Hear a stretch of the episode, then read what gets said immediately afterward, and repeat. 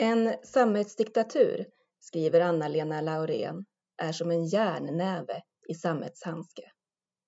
Järnnäven, i det här fallet Kreml, ger vissa eftergifter för att på papperet ge sken av att vara en demokrati, men kan utan tvekan krossa den som upplevs som ett hot mot systemet.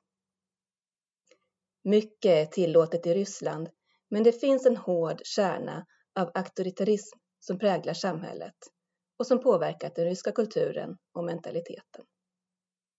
Anna-Lena Laurén är journalist och utrikeskorrespondent i Moskva för både DN och Huvudstadsbladet.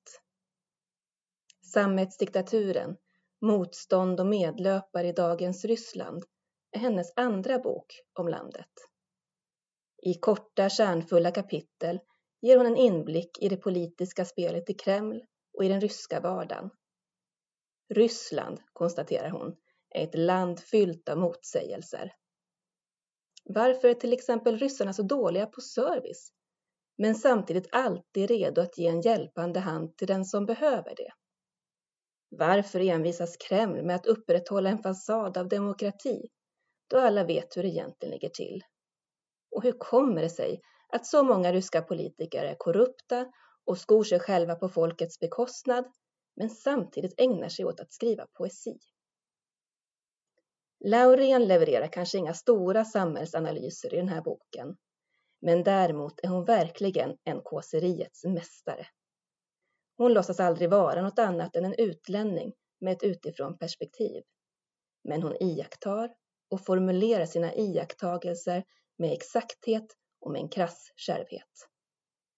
Absolut inte utan värme och inte sällan fnissar man till, men mer ofta fastnar skrattet i halsen.